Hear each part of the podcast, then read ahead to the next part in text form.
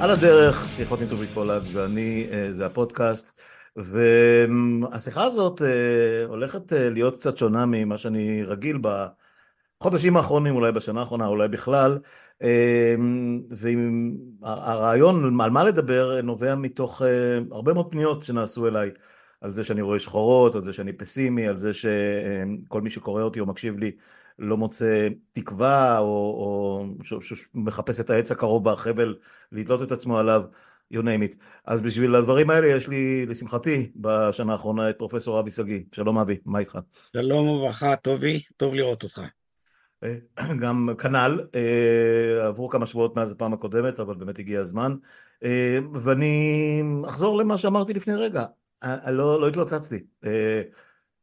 כמעט כל המרואיינים שלי זה כבר, אה, אתה יודע, זה נהיה טרנד אה, הרבה יותר אופטימי ממני, אבל כשפורטים את האופטימיות שלהם לפרוטות, כשהם מנסים לרדת לעומק ולשורש העניין, אה, המציאות שאני מציג, או שאני צופה, או שאני מרגיש, לא שונה כמעט בכלום ממה שכמעט כל האופטימיים לשיטתם חושבים שעובר עלינו ושמחכה לנו מעבר, מעבר לפינה, מעבר לסיבוב. אמ, אבל אתה, אתה מסתכל על הדברים כמו שאנחנו יודעים אה, בהיותך פילוסוף אה, עם ותק של יותר, יותר שנים ממה שאנחנו רוצים להודות בזה ו, ועיסוק בתחום הזה במשך אה, קריירה מאוד מאוד ארוכה ומפוארת, מזכיר רק אוניברסיטת בר אילן, מכון הרטמן ושלל פרסומים וספרים וכולי וכולי וכולי, אבל מה שנקרא צופינו ומאזיננו מכירים אותך כבר. האם באמת יש דרך אה, להסתכל על, ה, אה, על המצב שלנו כמו שאנחנו חווים אותו עכשיו בתוך, בתוך הכאוס הגדול שעוד רחוק מלהסתיים, האם יש דרך אחרת להסתכל על הדברים האלה? אבי, מה אתה אומר? כדי להעביר את הדברים, אני רוצה להתייחס לשני מושגים שהם מאוד קריטיים באופן שבו אנחנו חובבים את המציאות שלנו. האחת, האחד הוא מושג הצער, והשני הוא מושג התקווה. צער הוא נושא שנדון המון בספרות, מי מאיתנו לא חווה צער. הוא בוודאי מורכב מרגשות רבים של תסכול, של כאב, של עצב, אבל ישנם יסודות עומק בחוויה של הצער שכדאי לשים אליה לב, כי באופן פרדוקסלי, בתוך חוויית הצער מונחת התקווה. צער היא חוויה יסודית שמכוננת, מיוסדת, על ידי תחושה של אובדן, על ידי חסר, על ידי משהו ששוב לא יכול להיות. אנחנו רגילים לזהות את הצער עם האבל, אבל האבל הוא רק אחד המופעים הטקסיים של הצער, כאשר אדם יקר נפטר, או בימים טרופים אלה, יותר נכון, חיילים שנהרגים, אנשים שנרצחו. חוויית הצער היא חוויה של אובדן, של היעדר. וחוויית ההיעדר הזאת יכולה להיות קשה, קשה מאוד. אבל זאת חוויית צער אחת של היעדר של בני אדם. אבל אנחנו גם חווים חוויה של צער על אובדן גדול באמון, בתקוות, ואולי בחוויה העמוקה ביותר שלנו, של הצער, זה חוויית אובדן הביתיות. חוויית הביתיות היא חוויה מכוננת את חיינו. הביתיות לא, מבח... לא מבטיחה לאדם שחייו יהיו מאושרים, אלא שהוא יודע איך המרחב שבו הוא חי מתנהל. הוא מכיר את השפה, הוא מכיר את הטעמים, הוא יודע למה לצפות.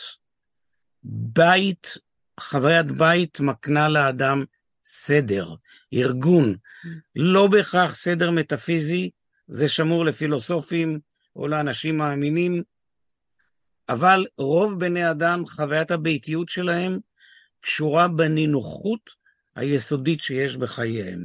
אנחנו מבינים, אנחנו יודעים למה לצפות, אנחנו יודעים מהם היסודות החלשים בחיינו, מהם היסודות החזקים בחיינו, אבל זאת חוויה מאוד מאוד עמוקה. אגב, מרטין בובר הבחין בין שתי תקופות ארכיטיפיות בחיי האדם. תקופה של ישיבת בית ותקופה של אי ישיבה בבית. בתקופה של ישיבה בבית הכל מובן, הכל מוסדר. תקופה של אי ישיבה בבית, האדם חווה ניכור, זרות. לעתים זה מגיע במצבים קיצוניים לאובדן אמון וביטחון בקיום. אנחנו היום חווים משהו מכל זה בחוויית הצער היומיומית שמלווה את חיינו. רבים מאיתנו ממשיכים בעיסוקיהם, חושקים שיניים, חורקים שיניים יותר אפילו מדויק לומר, וממשיכים, אבל משהו בפנים שבור, משהו בפנים קרוע, החיסרון הולך ונראה, הוא לא מתעצם יותר, הוא לא נחסר, הוא פשוט חוויה יסודית של כאב, תסכול, צבר שלם של חוויות עמוקות. איך אפשר למצוא תקווה בתוך הצער? אדם, נתחיל מה, מהצער הקשה ביותר, אדם שאיבד את היקר לו, איך הוא יכול למצוא תקווה? התקווה, אם אפשר לדבר על תקווה, ואני אדבר בעתיד על תקווה בהמשך, מעוגנת בכך שכשאנחנו חווים משהו שאבד לנו, אנחנו מזהים גם מי אנחנו. אם אני מאבד אדם שיקר לליבי, אז אני מבין שאני עם אותו אדם, שזהותי, שחיי, נרקמים יחד איתו. כשאנחנו חווים היום צער ביתיות, חוויה שהיידגר, הפילוסוף היידגר, כינה אותה בהקשר רחב יותר, היות לא בבית, Unheimlichkeit, היות לא בבית, ממש כך. אתה הולך ברחובה של עיר, ומשהו מעיק לך בסדרים, אנחנו פתאום לומדים מה יקר לליבנו. עד כמה המקום הזה, החיים המסודרים שהיו לנו, יקרים לליבנו. אנחנו דור, גם אתה וגם אני, שעוד זוכרים את אבותינו, שהמונח מולדת היה לא מונח, אלא כמיהת נפש, להגיע למקום מבטחים, להגיע למקום שבו נחווה בית, אבל אנחנו כל כך הורגלנו עד שבזנו למקום. נהיינו שוהים במקום הזה, חיפשנו בכל רגע את המקום האחר. אהרון אפלפלד יש לו ביטוי כמהגר פנימי. הוא הרי סופר שחווה שואה, לא, הוא לא ישב במחנות, אבל זה היסוד מכונן של חווייתו. הוא כינה את ישראל נמל הבית. אנחנו חיינו כמו השיר היפהפה של מאיר עוזיאל בטרמינל, בין שעות. מאיר אריאל. מאיר אריאל, סליחה, סליחה, סליחה, ייבדל לחיים ארוכים, מאיר עוזיאל. פליטת פה. כן, מאיר אריאל, כן, שכינה את, את נמל התעופה, את הכמיהה לאותו טרמינל, למרחב שהוא מרחב המקומי. חיינו... I love you, I love you, טרמינל בלמיר. I love you, טרמינל, בדיוק. כן. כן, עוד מילה אחת שאני רוצה uh, לדחוף פה, uh, דיברת על, ה, uh, על החוויה של, של היות האדם בביתו, uh, אבל זה מעבר לקירות. אה, אני חושב שמה שניטל מאיתנו, ופה אני חושב שאנשים מחפשים את התקווה המחודשת, או אני אקרא, אקרא לזה אחרת, את השגרה המבורכת. שאתה מדבר. שהזכרת אותה, אה, כן. כי נלקחה ממנו, מאיתנו באותה שבת וביתר שאת, לא יודע, לא יודע אם ביתר שאת, זה היה, אתה יודע, אה, אה, בניגוד לקלישאה, התחלנו הכי חזק ומאז אנחנו מגבירים, אז אני לא יודע אם אנחנו מגבירים, התחלנו בהחלט הכי חזק, הכי נורא, הכי זוועתי שאפשר, ומאז אנחנו לא מצליחים להירגע מה, מהקטסטרופה ההיא. ניתן ממנו, מאיתנו התחושה הזאת של הביטחון הבסיסי. זה עמוס, של... זה בדיוק המובן של בית. בית כן. זה לא כתלים. כן. אדם יכול לחיות ב... על פני ארץ ללא בית, באוהל, ולהרגיש ביתיות, כי הוא מרגיש נינוח, כי המקורות מובנים לו, כי הוא לא צפוי למשהו שיערער את קיומו. בדיוק מה שאתה דיברת, זו חוויית הביתיות. כן. אבל חוויית הביתיות הזאת, היה לה מחיר כבד. מחיר בגרשיים, חס וחלילה אני לא רוצה להקל ראש בו. תזכור, הדור שקדם לנו, הדורות שקדמו לנו, ראו את החיים כאן בישראל כאתגר וכייעוד. ליהושע קנז, בהתגנבות יחידים, יש את המטאפורה הנפלאה של כל אצבע יש לה תפקיד באגרוף הקמוץ. מרוב שחיינו את הייעוד הזה לא שמנו לב שצמחה פה מדינה לתפארת וחברה מיוחדת במינה. איבדנו את הערנות לה כחלק מההישג שלה. זאת אומרת, חיינו חיים כל כך נינוחים, עם כל הבעיות ועם כל מה שסובב אותנו, שאיבדנו את הערנות ואת הרגישות לכמה העניין הזה איננו מובן מאליו. או, אז, אז, אז אני אגיד שאנחנו אה, אולי אה, גדלנו ובגרנו בשלהי התקופה ההיא, כי שנות ה-60 עם, עם, עם המיתון ועם הפדאיונים ועם התקופות ההמתנה שלפני מלחמת ששת הימים ואחר כך הדרמות. גם ראינו את ההורים שלנו. כן, ואחר כך כמובן, וההוויה... ההוויה בחלק גדול מהשכונות והערים הייתה של אותם אנשים שהיו צל של עצמם, שבאו נכון. כאודים מוצלים, ואחר כך העולים החדשים שבמידה רבה מאוד לא, העולים החדשים שלאו דווקא באו מאירופה, אלא באו הרבה מאוד... בשנות החמישים. בשנות החמישים, ואחר כך בשנות ה-70, בשנות ה-80 וגם ה-90, ובאו והיו צריכים להתערות בחברה חדשה שהם בכלל לא ידעו, זאת אומרת, אני חושב שהדור, אה, אנחנו, אנחנו נתקלנו בזה לקראת נניח שנות הגיוס שלנו, אמצע שנות ה-70, אחר כך כמובן הדורות ש, שנולדו לנו, אה, זה כבר נהיה מובן מאליו. כבר לא היה צריך, כבר לא היה אתגר בלחיות כאן וזה כישראלי. וזה מצוין, זה מצוין. כן. מפני שלהפוך את החיים לאתגר, פירושו של דבר שמשהו לא שלם, שעוד לא. עכשיו, יש בני אדם שחיים את העוד לא, אני מניח שאנשים משיחיים חיים את העוד לא. זה לא מונע, אגב, מהם ליהנות מהחיים כאן ובהווה. יש להם פינה כזאת, גדולה יותר, גדולה פחות. מעטים הם בינינו שחיים את המציאות כמשהו שצריך היה להיות אידיאל ואתגר וייעוד, ולא פשוט לחיות. למדנו לחיות. למדנו לחיות, ליהנות מהחיים. היינו גם חברה שבמובן עמוק אפשרה קולאז' של זהויות ותרבויות. היינו גם קאים למה שקורה מחוצה לנו, לעולם הפלסטיני הקרוב.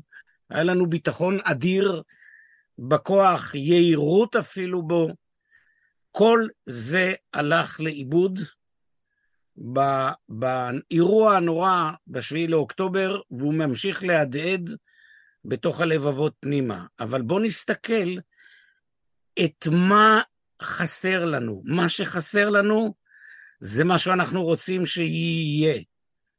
ואפשר למנות בידיים את מה אנחנו רוצים שיהיה. זה לא רק את השקט ואת השלווה שנוכל לחיות, אנחנו גם רוצים לא לחיות חיים קטסטרופליים.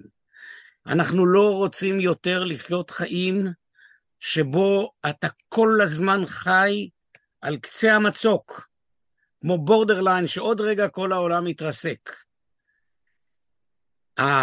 הכמיהת נפש הזאת היא כמיהת נפש מופלאה, מפני שהיא מלמדת, הצער מלמד על יסוד בריא בקיומנו. באופן פרדוקסלי, כמיהות הנפש האלה, למה אנחנו כמיהים? לפת של לחם, כדברי השיר, לכוס יין, לחיים שנוכל לחיות ברווחה, לחיים שבו כל אחד מאיתנו איננו רק אמצעי לתכלית עליונה אחרת. כל מה שאנחנו מבקשים זאת שגרה. שגרה נינוחה. נינוחה. מעולה. אני חושב שהמילה כן. הזאת מקפלת בתוכה אה, נכון. כל כך הרבה אלמנטים אה, שמח... שהייתי אומר ביטחון, ואותה רווחה כלכלית שנדבר עליה, ואי דאגה בריאות כמובן, מי לא רוצה להיות בריא, וגם, אתה יודע, כמה שפחות דאגה לבן או לחתן, בהחלט. או לגיס המגויס אבל, וכולי וכולי. אבל תשים לב, שהצער חשף עד כמה בעבר היינו במקומות הללו. אז קודם אולי, כל... אולי, אולי באופן שגוי, אולי אה, אה, סיפרנו על עצמנו סיפור שמתחת לפני השטח אה, אה, הוא לא היה כל כך נינוח ובטוח כמו שתיארת. תמיד, שהוא. תראה, חיים נינוחים וחיים שלווים זה לא הזמנה לחיי טמטום ולהיעדר תודעה. חיים נינוחים הם גם חיים שיש בהם בעיות. חלק מחיינו כבני אדם זה חיים שיש בהם בעיות. אנחנו יצורים סופיים, מוגבלים, אנחנו מתעמתים עם רציות שונות, עם תפיסות עולם שונות, חיים בתוך, לא בדיוק באזורי קנדה, אלא כאן, בישראל, בין עולם שהוא חלקו עוין אותנו בצורה נוראית, עדיין סוחבים איתנו טראומות ישנות של שואה, של שנאת יהודים שפתאום קמו לתחייה. כל זה רק מעצים את מה שהיה ואיננו. הצער בעצם מנכיח את הטוב שהיה. טוב זה לא אידיאלי. שגרה זה לא אידיאליות, אבל זה אומר שבתוך השגרה יכולנו לחיות, לשמוח, ליצור, להיאבק זה עם זה, ואחרי המאבק לחזור לבית ולהיות בטוחים שמחר נקום ונוכל עוד פעם להתחיל במאבקים, בשמחות. צער הוא, בהקשר הזה, בהקשר הזה, צער הוא רגע שמכונן את התודעה. וכשאני אומר מכונן את התודעה, אני לא בא ואומר, חברים יקרים, בואו נתיישב על ספת הפילוסוף או על ספת הטיפולים הפסיכולוגית, ונתחיל לנתח, להציג תיאוריות גדולות. זה אומר דבר אחד, אם אנחנו מצטערים על משהו, זה אומר שציפייה לא עבדה לנו. אם אתה מצטער על מה שעבד, יש לך ציפייה. כשאתה מצטער על אדם יקר שהלך לאיבוד, יש לך ציפייה שנאכזבה. אבל לא כל צער הוא ציפייה שנאכזבת. אגב, גם למתים, היקרים, החשובים, כשאנחנו מצטערים על מותם, אנחנו רוצים שהם ישובו כך או אחרת לחיינו. כל פרויקט הסיפור, הזיכרון, כשהורה שכול, אח שכול, רוצה לספר, רוצה לעשות משהו, הוא רוצה להחזיר את הנעדר לנוכחות. אז יש דברים שלא נוכל להחזיר אותם, ויש דברים שכן נוכל להחזיר אותם. אה, כשאומנים גדולים הלכו, כשיוסי בנאי הלך, כשאריק איינשטיין הלך, כשהרבה מאוד אנשים, אה, פולי מהגשש וכולי, אה, אז כתבתי איזשהו טקסט, אבל זה לא משהו שהמצאתי, הרבה אנשים כתבו את זה, אנחנו מבכים אותם אבל בוכים עלינו, כי הם, כי הם היו חלק ממארג ש, שבנה אותנו להיות מי שאנחנו, השפה וה, וההוויה והצחוק והדמע והתרבות והשירה, ו, ו, אבל, אבל החוויה הנוכחית היא לחלוטין לא כזאת, זה כל הקטע, לא. זאת אומרת רוב האנשים ש, ש, שנרצחו נשחטו ב, ב, ב, לפני חודשיים וחצי וממשיכים להיהרג as we speak, כל רגע אני מקבל עוד הודעות על, על חיילים שנהרגו וכן הלאה, זאת חוויה אחרת לגמרי. בוודאי. איך מתמודדים איתה בכלים שאולי לא היו לנו בעבר. טובי, יש, כשאמרתי שצער הוא שם משותף, זה לא אומר שהצער על אובדן של אדם יקר זה לצער של אפילו האדם שנפרד מבן או בת הזוג שלו מאהבה שנרזבה. בכולם יש את יסוד ההיעדר והחיסכון, והחיסרון. אם אני מצטער, אני רוצה בעצם לבטא, אני מבטא בצער את ההיעדרות הזאת, היא חשובה לי. ואני רוצה לומר שכשההיעדרות היא חשובה לי, אני לומד משהו על עצמי. כשבני אדם נרצחים, והם לא קרובי משפחתך או משפחתי, וליבנו נחמץ בקרבנו, זה אומר שהם אנשים שיקרים לנו. הרי בכל מקום בעולם נרצחים בכל רגע נתון, ואדם מוסרי צריך להיות, לא אכפת לו מזה. אבל את אותו צער עמוק שקורע את הלב, אנחנו מייחדים לדברים שהם חשובים באופן כזה או אחר לחיינו. אני לא יכול להגיד לך מי חשוב לך, אתה לא יכול להגיד לי מי חשוב לי, אבל הצער הוא מלמד על החשיבות של הדברים שאינם. אם זה בני אדם שמתו או בשיבה טובה או שנרצחו, אם זה דברים שאיבדנו, כמו חוויית אובדן הביתיות. כשאתה מתרגם את הצער למה חסר, אתה מגלה מהם הדברים שמעצבים את חייך. מה שמעצב את חייך זה קודם כל זיקה לבני אדם, לכן אתה מצטער. תשמע, אם אה, הלך לאיבוד אה, איזה, איזה חתול שאתה לא מכיר אותו, יכול להיות שזה יהיה אכפת לך, אבל זה לא אותו דבר כמו, אי אפשר אפילו להשוות, לאדם יקר או אדם שבעיניך הוא יקר. אתה תסמן למה הוא יקר לך. אתה ואני נאמר למה כשחייל נרצח או נהרג או אדם נרצח, אכפת לנו. אבל זה אומר דבר אחד, שאנחנו חיים עם בני אדם, שאנחנו לעולם לא יצורים מבודדים, שמכוננים לעצמנו עולם נרקסיסטי, אלא אנחנו תמיד עם בני אדם. זה הרגע שבו צומחת האכפתיות. הצער מוליד את הדאגה ואת האכפתיות. זו נקודה שעמד עליה, עמדו עליה בצורה עמוקה משורר איטלקי בשם לאופרדי, אבל הוא לא היחידי. הצער הוא כוח מניע. לעתים הוא כוח מניע שיחזיר את מה שאבד, נאמר את הביטחון. לעתים הוא כוח מניע שיחזיר את הזיקה לבני אדם.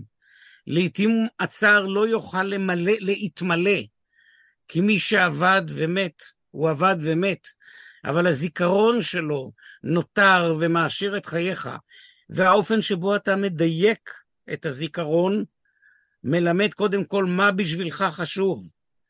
ומה שגילינו בחברה שלנו, שהצער עוטף את רוב רובה של החברה. צא וראה. ואני, כיוון שאני, כידוע לך, שייך לאינקוויזיציה השחורה, אני מתעניין גם כיצד חרדים קיצוניים מתייחסים לאירועים, קיצוניים יותר וקיצוניים פה. אצל חלק מהם זה בכלל לא נגע לליבם. הם ממשיכים בסדר היום, חלק, לא כולם, חס וחלילה. חלק, הם, הם, הם חיים, שום דבר לא עבד להם בעולמם. אתה ואני איבדנו משהו בעולמנו. חרדים אחרים, שאתה רואה אותם יוצאים, מרגישים את חוויית האובדן הזו. הצער הוא נקודה שהוא רגע של קריאה, קריאה פנימית של האדם. אם אני מצטער, משהו צריך להתחולל בעולם. אגב, בעולם העתיק, אחד ההיגדים בטקסטים עתיקים, טקסט של נחמה מהעולם העתיק, נאמר המשפט הבא, על מה שעבד אין מה להצטער כי הוא עבד. טקסט כזה יכול היה להיכתב בעת העתיקה, מפני שלא הבינו אז, או לא חיו בתוך חוויה, שהחוויה שלנו, שבי היא החוויה של להיות עם בני אדם, שאנחנו לא יצורים שמחוננים על ידי עצמנו במין סגירות מוחלטת. זה רגע, בעיניי, רגע עמוק של הצער. הצער הוא הרגע שאתה מגלה את מה שיקר לך, אמרנו. צאו ריק כשאתה נמצא בהספדים. מה אתה שומע? טקס אבל הוא טיכוס של צער על מתים, אבל לא כל צער מת, מתגלגל לאבל. מה אתה שומע שם? מה אומרים על האדם? אומרים על האדם את מה שבעיני החיים היה חשוב במי שאיננו. במה הוא האיר את חיינו? כי אנחנו בני אדם שזקוקים לזולת, שחיים עם הזולת, ולא תמיד אנחנו מכירים את זה, כי חיינו בחברה ליברלית, חופשית, שהערך העליון שלה היה לממש את עצמך. אני עוד זוכר בשבטי בתוך עבודתי בצה"ל, שאפילו בצה"ל שקלו לתת פרסומת למה להתגייס ליחידות מובחרות, אני מדבר על ראשית שנות האלפיים, סוף התשעים, אחת אחת ההצעות היה, בוא לממש את עצמך בגולני. ואני כמובן... אגב, זה הפרסומות, זה הפרסומות המדהימות של המרינס, מי שיוצא... כן, כן, כן, אני לא, זה אותו דבר. לא, אני אומר, מה שנקרא... אני רק אז, בוא תהיה גבר, בוא תרוץ, כן, בדיוק. ליונסיל וכל מיני כאלה. אני טעיתי עם תף, כן, חשבתי, האם באמת האדם מממש את עצמו בגולני, או גולני זה אחד האופנים שבו הוא ממלא את חובתו האזרחית, אבל נניח את זה בצד. ברור לגמרי שבמקום לספר לי איך אני אממש את עצמי, אני צריך להתבונן כעת מה קורה לי כשאני מצטער, מהם הדברים החשובים לי, ועל מה אני צריך להתחיל לשמור. והדבר העמוק שהתברר לי במהלך, ואני מדבר מתוך רפלקסיה פנימית, שיש שני דברים שהם עמוקים שהם חשובים לי, ואני מניח לרבים וגם לך. האחד, בני אדם. אנחנו חיים עם בני אדם. כשבן אדם קרוב מת, משהו בתוכנו מת. ואנחנו רוצים להיות עם בני אדם. והגבול של האני, זה לא הגבול של הגוף שלו, זה גבול ההתייחסות שלו. ותכף נדבר על זה, מה הצער עשה לחברה הישראלית. מהו גבול ההתייחסות של החברה הישראלית. גבול ההתייחסות של החברה הישראלית בתוך הצער כלל את כל החוויה האזרחית. מה קרה כשעולמנו קרס? רובנו קמנו מן ההריסות מתוך הצער והכאב לשקם את מה שאיבדנו, להחזיר למרכז את הזיקה בין בני אדם, את האחריות, את האכפתיות, שהלכה לאיבוד, כי תזכור, אחד ההישגים העצובים של העולם הליברלי, של חלק ממנו לפחות, בעיניי זה החלקים הלא מוצלחים של העולם הליברלי האטומיסטי, זה לא כל הליברליזם, זה היה הרעיון שאדם הוא יש שרוצה לשגשג בעצמו, להיות עם עצמו, ופחות הדגישו. שני רכיבים, ראשית, את ההיות עם בני אדם אחרים, ודבר שני, והוא עוד יותר חשוב בעיניי, היסוד התרבותי, החברתי, שמתגלם במדינה. המדינה במסגרת תפיסת עולם ליברלית אטומיסטית זה רק ארגון להשגת הזכויות והחובות. והסתבר שהמדינה היא גם מרכז שבו אנחנו בונים את חיינו. המדינה, היא גם, המדינה היא גם חברה, מה שאנשים בדיוק. קצת, קצת ברחו מזה. אני רק, אני רק אגיד אה, לגבי אה, מה שהזכרת לגבי הליברליזם, אה, מעבר לגישה, זה, זה, זה, זה כבר נהפכנו, או בעקבות חלקים מהעולם, נסחפנו לתוך גישה ליברטריאנית, ו, נכון. וקידוש האינדיבידואליזם, שבעצם מקטין את, את, את החשיבות שלנו כ, כ, כאנשים חברתיים, סוציאליים, אנשים שמתחברים עם אנשים אחרים. מקטין את החשיבות אפילו של התרבות. כן. עכשיו תראה מה קרה בצער הזאת, בצער הזה, בכל גווניו. אני עוד לא מדבר על אופק התקווה. קודם כל גילינו מחדש את החוויה האזרחית. תזכור איפה היינו, ואתה ואני שוחחנו על זה ארוכות, רגע לפני המלחמה. רגע לפני המלחמה הפוליטיקה לחצה עלינו להתמקם כיצורים חד-ממדיים. אתה בוגד או נאמן? אתה ימני או שמאלן? אתה, אתה תבלה או אומר אמת. כולם היו צריכים להתמקם. אני לא אומר שזה רק הממשלה עשתה את זה, כמובן כנגד ההבניה של יצורים חד-ממדיים בצד האחד, גם בצד השני צמחה תפיסה של חד-ממדיות. היינו חיים, חיים בתרבות שבה לא ראינו את הגיוון את השפע, את העובדה שבני אדם חיים יחד בהכלה עצמית, גם של מה שסותר אותם. יום יום התנסינו בזה. תשמע, גם היהודים הפנאטים הקיצוניים ביותר, שהיו מגיעים לבית חולים, אספר לך סיפור חוויה חיובית. בתי ילדה את ביתה, ביתה בבית חולים הדסה שבהר הצופים. ואני, כיוון שאני אבא, אז אני כמובן הייתי איתה יחד עם אשתי היקרה, אבל אני תמיד מביא איתי את השריון שלי, את הכובע של הצופה. פתאום התברר שבהר הצופים הדסה אין הבדל בין העובדה אם אתה ערבי או חרדי, או דתי או חילוני, כולם חווים איזה מין חוויה של שותפות. כי היה רגע שבמרחב הזה של בית החולים, שבו ההבדלים לא עשו עבודה.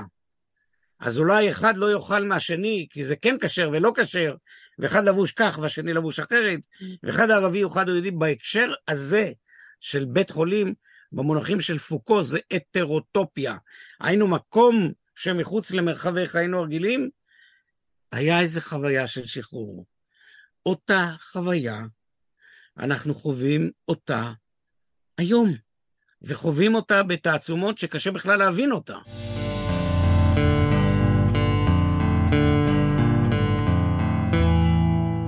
אז רגע, אז רגע, אני, אני, אני ככה מתאפק, אה, כי אתה אומר, אה, זה היה עד לשבעה באוקטובר ומאז דברים השתנו. אז נכון, דברים השתנו. עכשיו אני בא, אה, אני מרים פה להנחתה, כי הכרזנו שהשיחה הזאת תדבר על ריפוי ותקווה, ואיך לוקחים את עצמנו הלאה ופוקחים עיניים, או חוזרים לחייך, או חוזרים לעשות טוב, או לחיות בטוב, וכן הלאה והלאה והלאה. ואתה אמרת זה היה עד, עד לשבעה היה, כל אחד היה מזוהה פוליטית והיה מזוהה אה, מפלגתית והיה מזוהה עם פייק או מזוהה עם אמת או מזוהה עם זה או מזוהה עם זה. עכשיו אני לא אה, נכנס כרגע לביטויים סטטיסטיים כמה מזה השתנה כמה לא השתנה והכל אבל בגדול אני אומר לך בסביבה החברתית אה, אה, ובעיקר הרשתית כן מה שאני רואה בתקשורת החדשה הזאת שהיא כולה יושבת בכל מיני רשתות תקשורת אה, זה לא השתנה באופן דרמטי. כמות, כמות הרעל, כמות הרוע הפוליטי, כמות, כמות הרוע החברתי שמופנית, אני אתן לך את הדוגמה הכי בולטת ולא ניכנס ליותר אה, עמוק מזה כרגע כי באמת נצטרך עוד הרבה מאוד שעות של שיחות ולא נגיע לריפוי ולתקווה. היחס לחטופים ולמשפחות שלהם. תשמע, הם נהפכו לרשע ולדמון של צד מסוים בפוליטיקה הישראלית מתוך שיקולים פוליטיים, שיקולים הישרדותיים, ואותה חמלה שאנחנו היינו אמורים לחוש כלפיהם, באותה התגייסות להציל אותם, לא משנה כרגע מה הדרך הנכונה, אני לא נכנס לזה בכלל. תשמע, שונאים אותם. שונאים אותם ברמה של לירוק עליהם ברחוב, ברמה של אה, להתעלם מהם בכנסת. אתה יודע, היה דיון אתמול שהם עמדו עם שלטים ביציע האורחים של הכנסת, היציע היה מפוצץ מאנשים, המליאה הייתה ריקה, הייתה ריקה. שמע, זה היה ביטוי לך...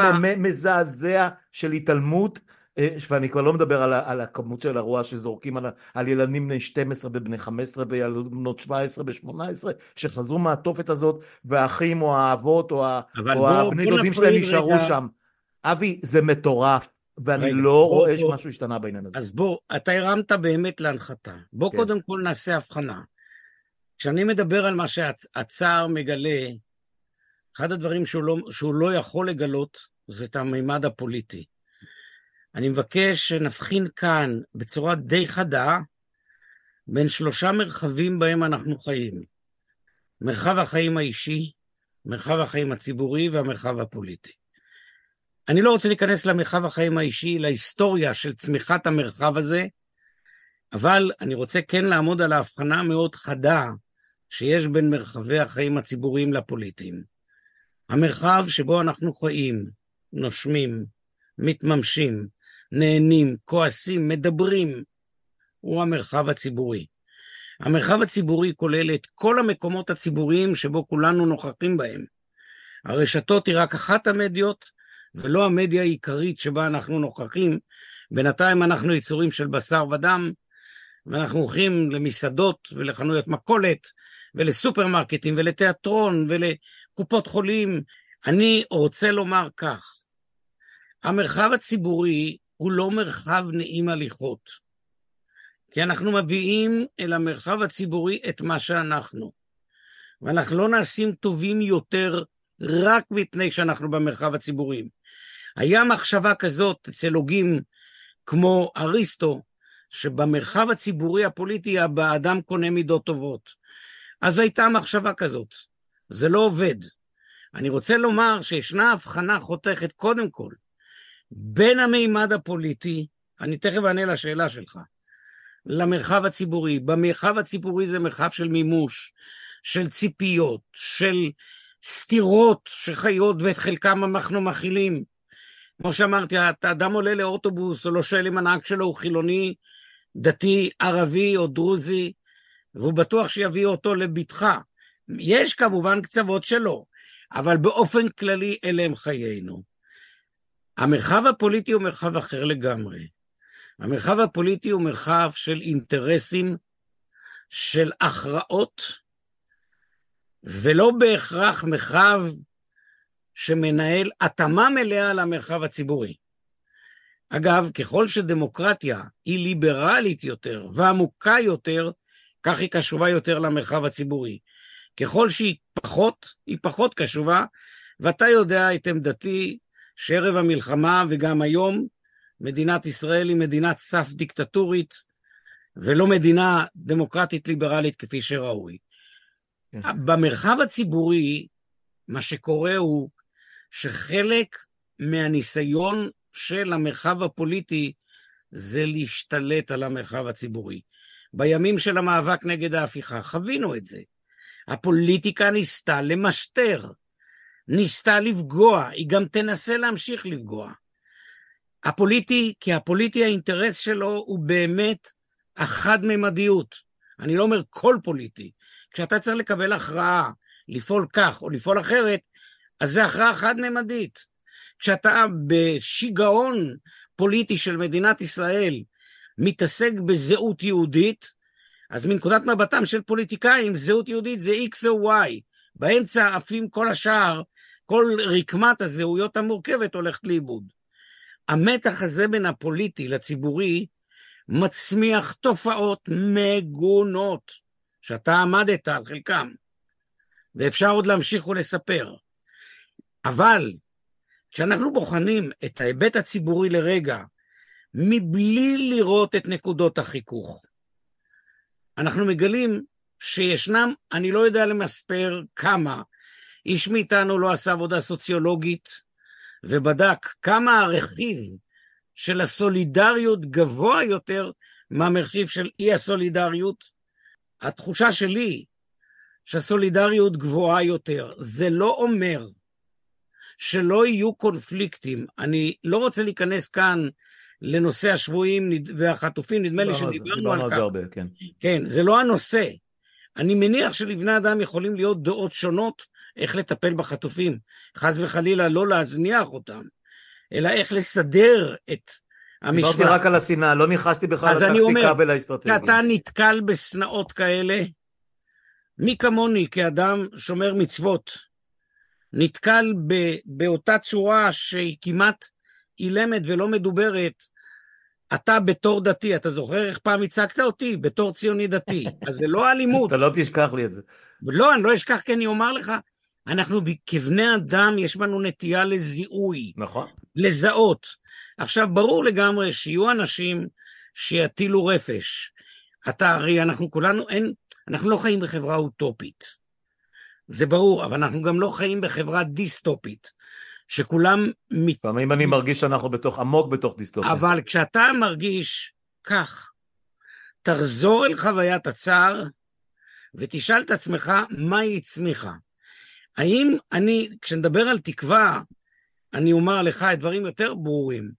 אני, אין לי ביטחון שהסולידריות הזאת תנצח. אבל אני יודע שהיא קיימת. אגב, היא חוצה מגזרים. הסולידריות הזאת, בניגוד לפוליטי, תעזוב לרגע את הפוליטי. הפוליטי הוא מרחב אחר לגמרי והטיפול בו הוא אחר. היא כוללת בתוכה חילונים ודתיים, חרדים, ערבים, צ'רקסים, בדואים. כולנו מגלים שאנחנו בני אדם שחיים יחד, זה המקום שלנו, אנחנו רוצים אותו, זה עוד דבר נפלא. אתה ואני קצת זקנים, אז אתה אולי פחות זוכר, אבל ערב ששת הימים הבדיחה הייתה שהאחרון יכבה את האור. את האור בנתב"ג. אולי, היום... אולי, אולי יש לך אפור של כמה שנים עליי, אבל הזיכרון שלי עדיין עובד. אוקיי, אבל היום זה האחרון שלא הגיע לעזור למדינה, לחברה מקצה תבל, מבקש שנתב"ג תהיה מוארת כל היום. אגב, זה היה בלוד.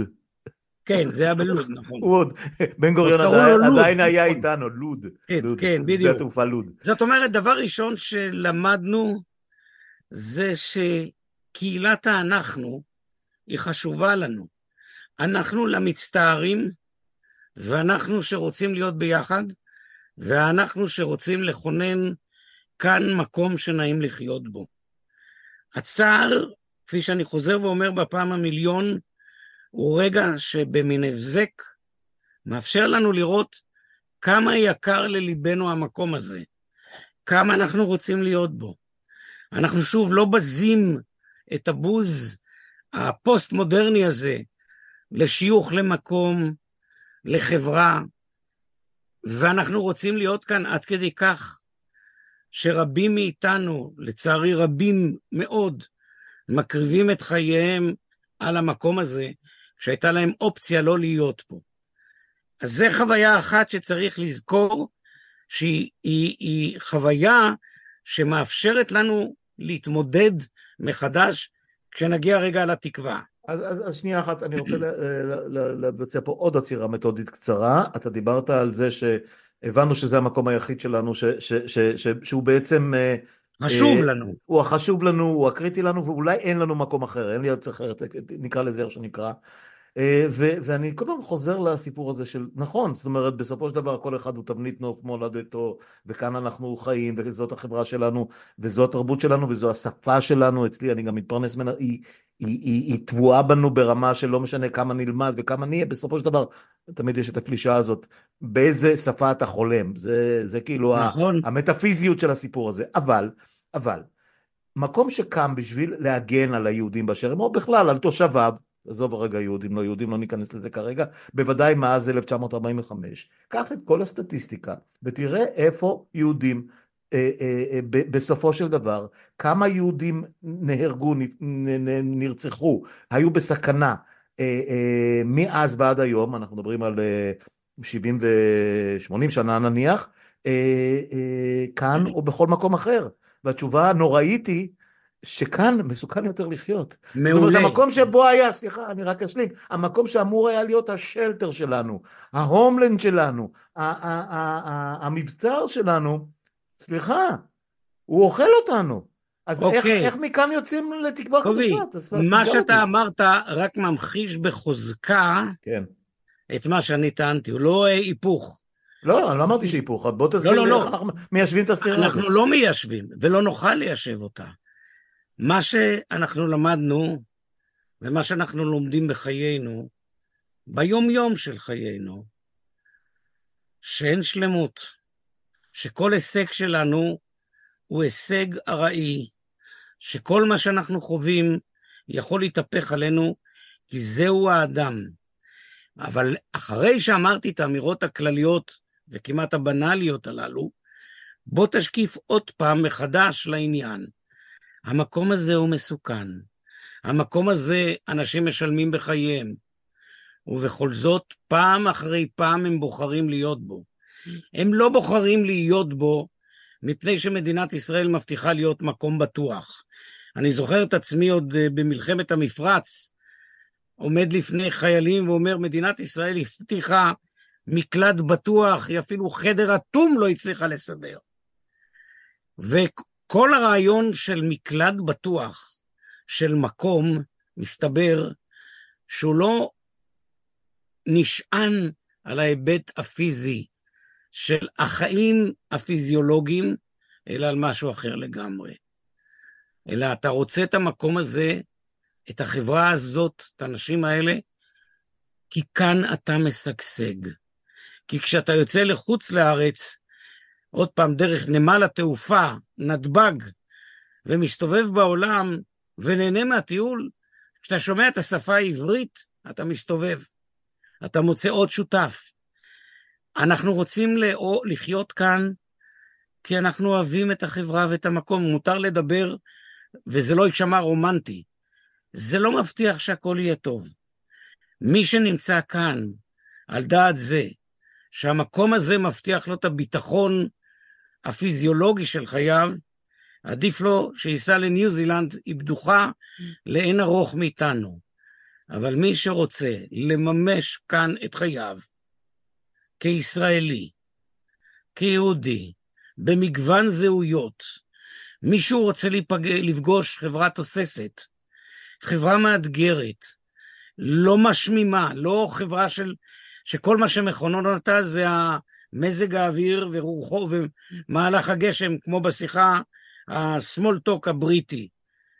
מי שהוא קשור למקום הזה, זה המקום שהוא רוצה להיות בו.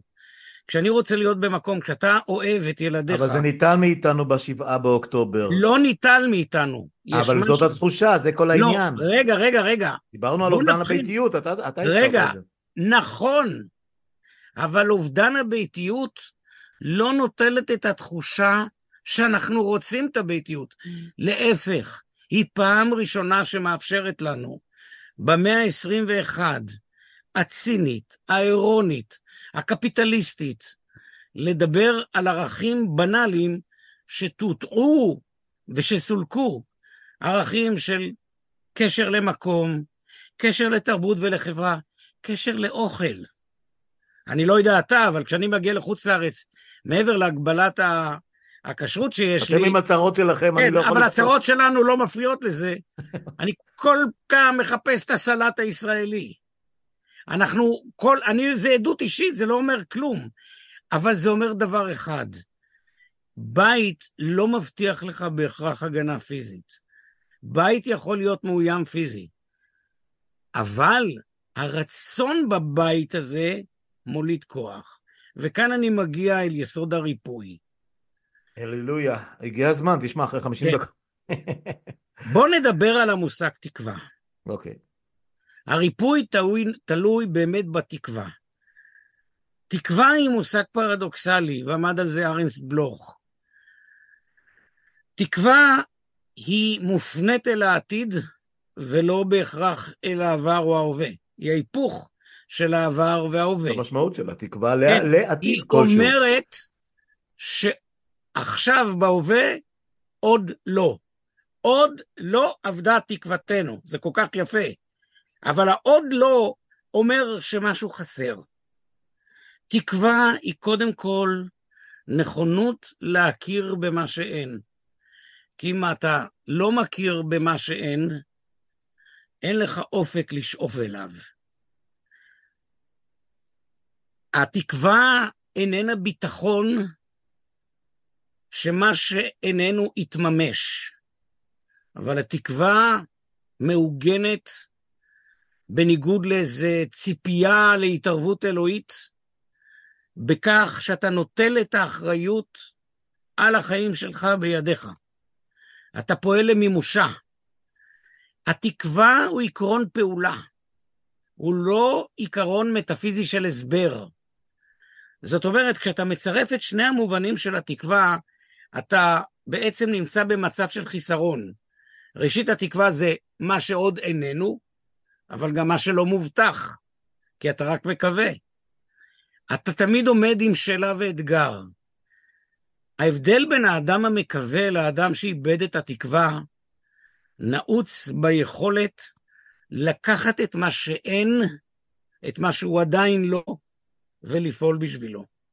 אדם שאיבד את היכולת ושקע לתוך מה שאין, איבד את התקווה.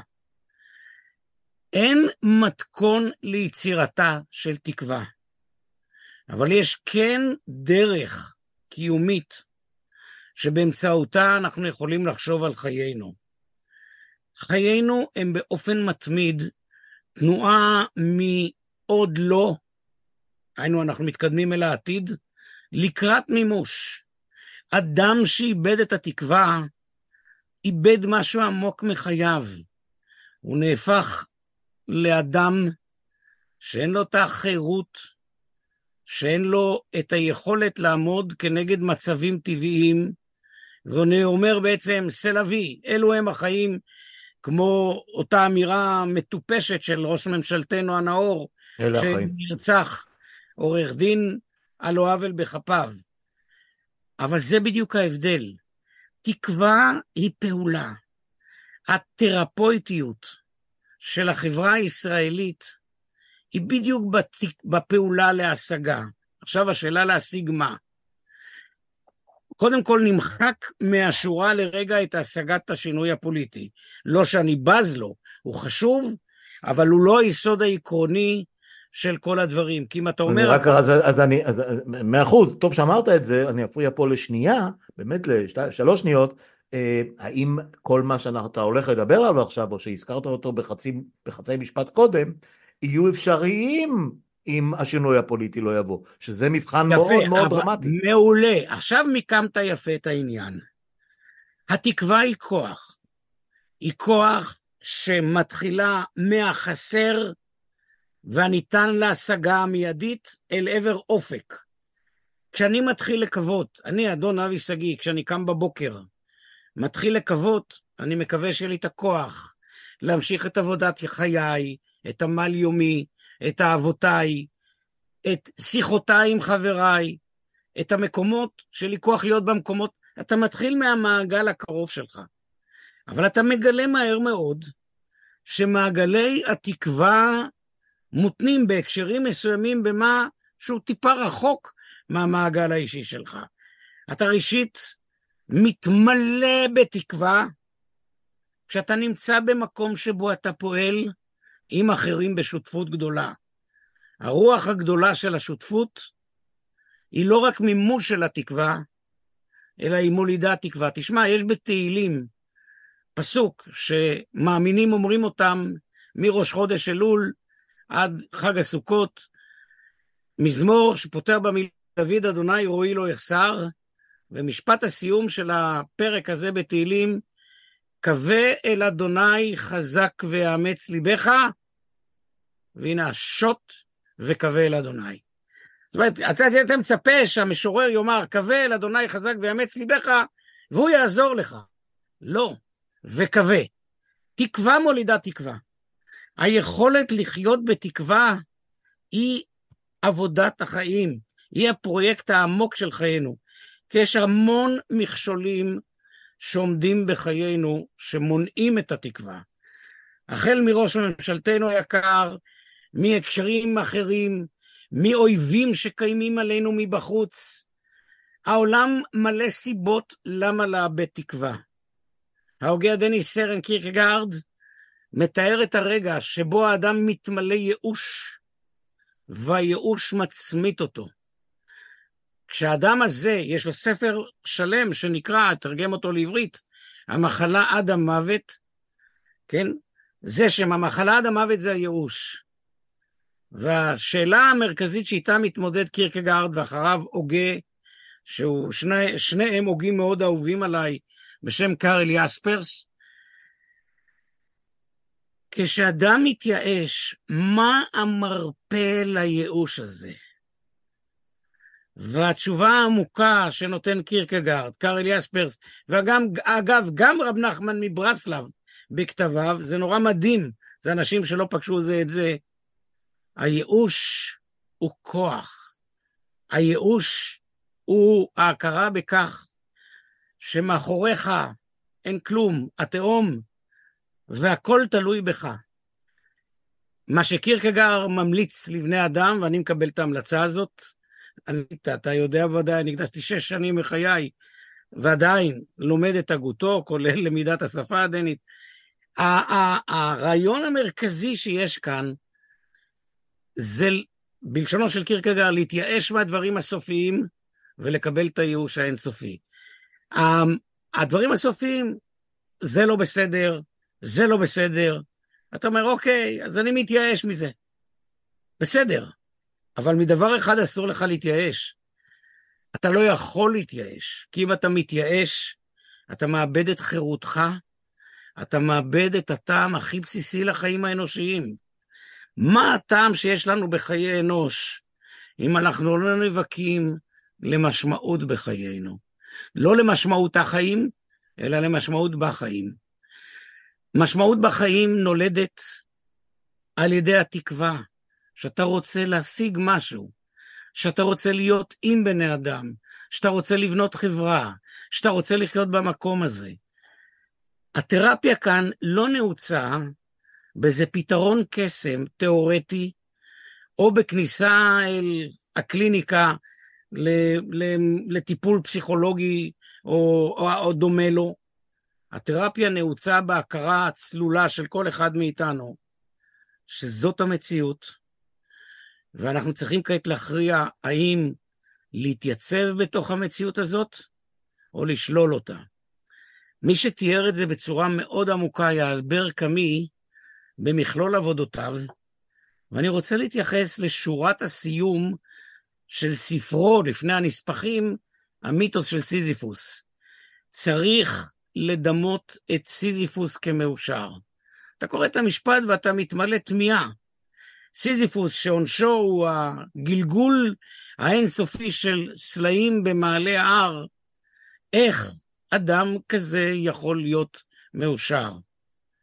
והתשובה שאלבר קאמי כאן מדבר על עושר במובן של שלמות פנימית, של אדם שמבין ככה הם החיים, מאבק מתמשך, לא בהכרח שנשיג משהו. תראה, כל המהפכות הגדולות, הקומוניסטית, להבדיל אלפי הגדולות, הפשיסטית, ניסו לתת לנו לנטרל את יסוד המהפכה.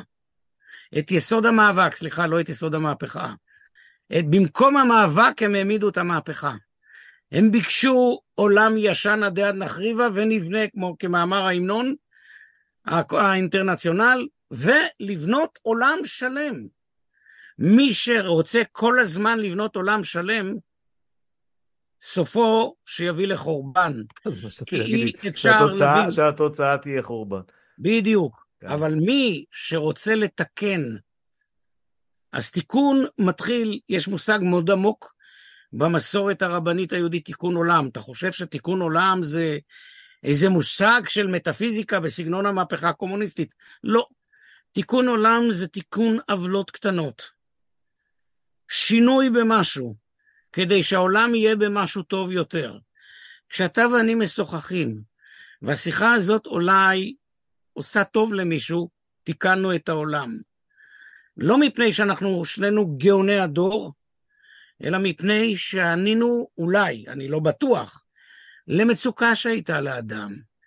תיקון עולם הוא תהליך. תיקון עולם מיוסד על תקווה.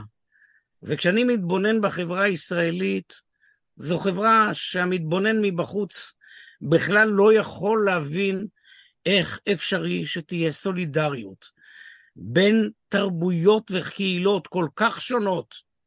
והנה מסתבר שמאחורי כל הקהילות, או בתשתיתם, יש גם יסודות חיוניים של קהילת אנחנו אזרחית, אנחנו אזרחית, עמוקה, שכוללת את כולנו.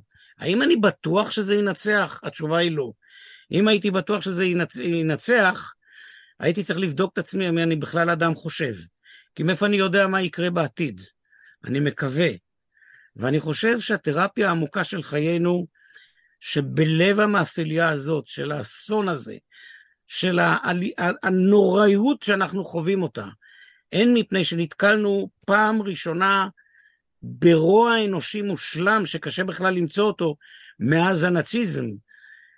הן מפני שנתקלנו, ולהבדיל אלפי הבדלות, בעונשה של היהירות הישראלית כבר פעם שנייה, חמישים שנה אחרי מלחמת יום כיפור, בעוצמה פי גדולה פי כמה וכמה. ולמרות זאת, מתוך האפר הזה, יש פה את הרגע שקמים בני אדם ולא מוותרים, ועושים טוב. כל טוב שכל אחד מאיתנו עושה, מטה במעט את הקו. אני לא יודע אם ננצח. אני לא חושב שצריך לשאול את השאלה הזאת. אתה יודע מתי ננצח? כשננצח נדע שניצחנו. חוכמה קטנה מאוד.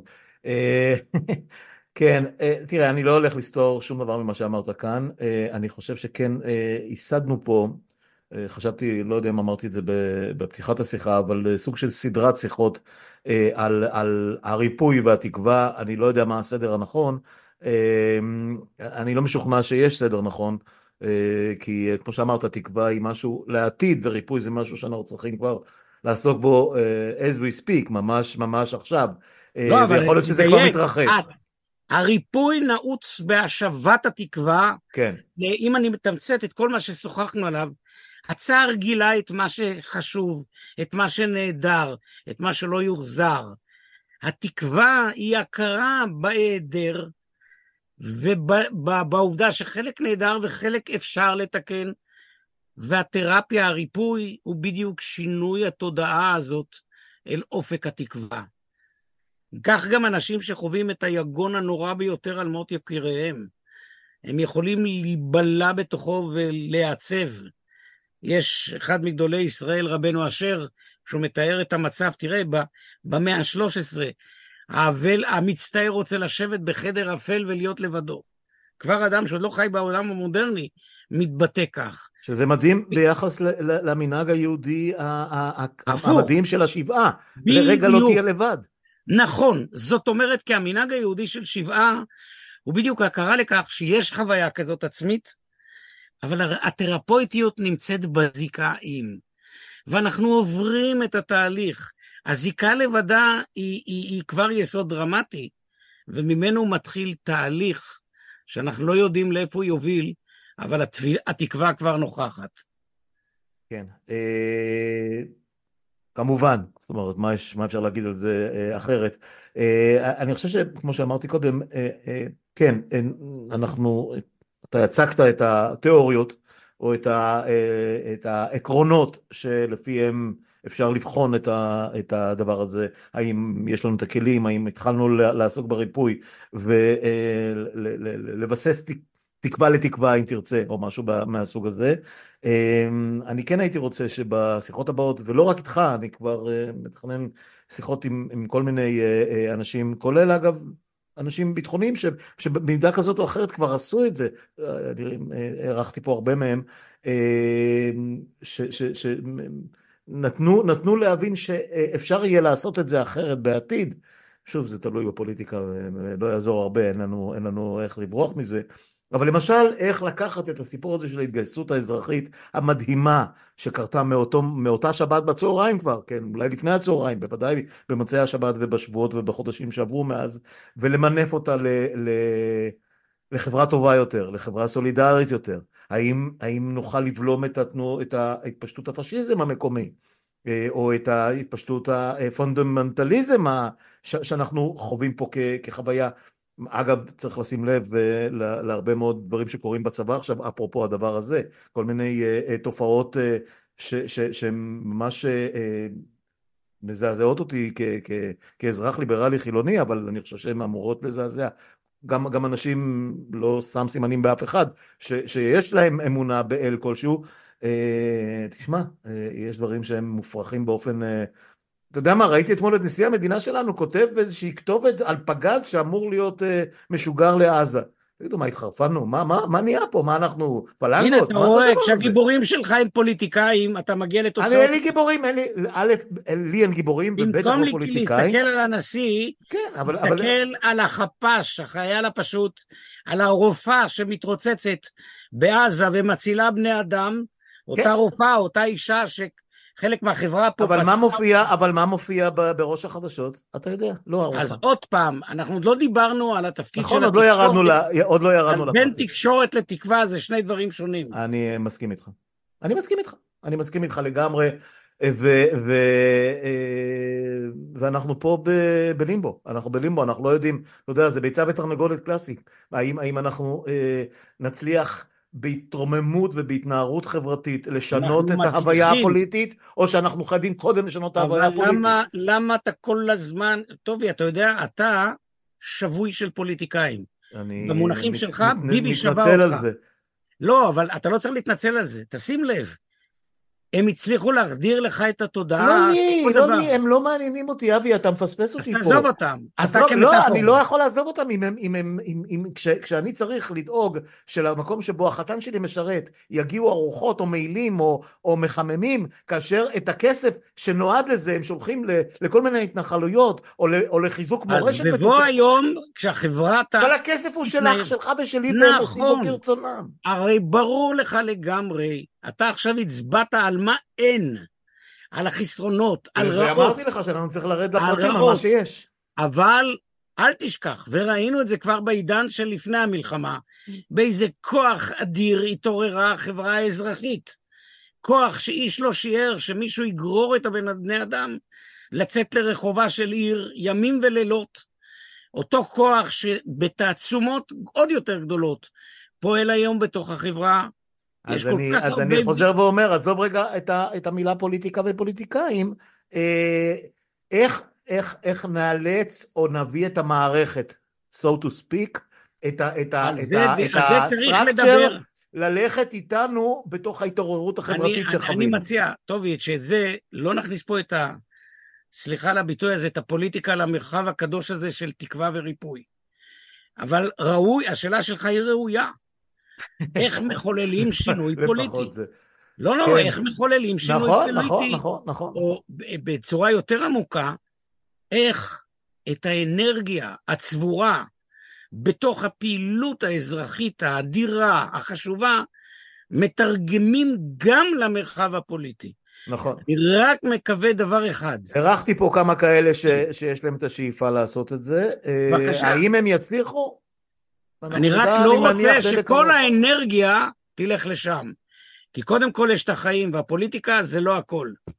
לא, לא, אני, אני חושב שפוליטיקה זה לא הכל, זה לא הרוב, ומבחינתי אה, טוב הייתה אם היא לא הייתה קיימת בכלל, אבל, אבל, לא, אה, לא, אבל אתה יודע... אה, אי אפשר בלעדיה. בדיוק, בדיוק, אז אי אפשר לברוח מזה בסופו של דבר, אבל לדעתי החזקנו מעמד 65 דקות בלי להזכיר את הפוליטיקאים ופוליטיקה, שזה טוב. הישג אה, כביר, אבל אנחנו. בהחלט, אה, אני כן, כן ארצה שנרד ל... בסדר גמור. לפרקטיקות, לפרקטיקות בהמשך אה, איתך ועם אחרים, אה, אה, על באמת מה אפשר למנף, מה גילינו ב- בתוכנו ובעצמנו, בכל אחד מאיתנו ובסביבה שלנו, יופי. ו- והאם זה באמת משהו שיקרב אותנו אה, אה, לריפוי ולתקווה. אה, אתה יודע, אוקיי. אה, צריך, צריך לרדת גם לפרטים באיזשהו שלב. אבי, תודה על השיחה הזאת. היא הייתה הסטארטר של משהו שהייתי רוצה, אני לא בטוח ש... אה, עוררנו פה, או, או ענינו על כל המאוויים של האנשים ל... ל אני מקווה שלא. ממני, ל- ל- ל- להפגת הפסימיות, אני כבר לא רוצה להגיד אופטימיות. אה, אני לא משוכנע, עוד לא, אבל צריך להתחיל מאיזשהו מקום. תודה, תודה להתראות. תודה. גם לך ולצופים. ביי ביי.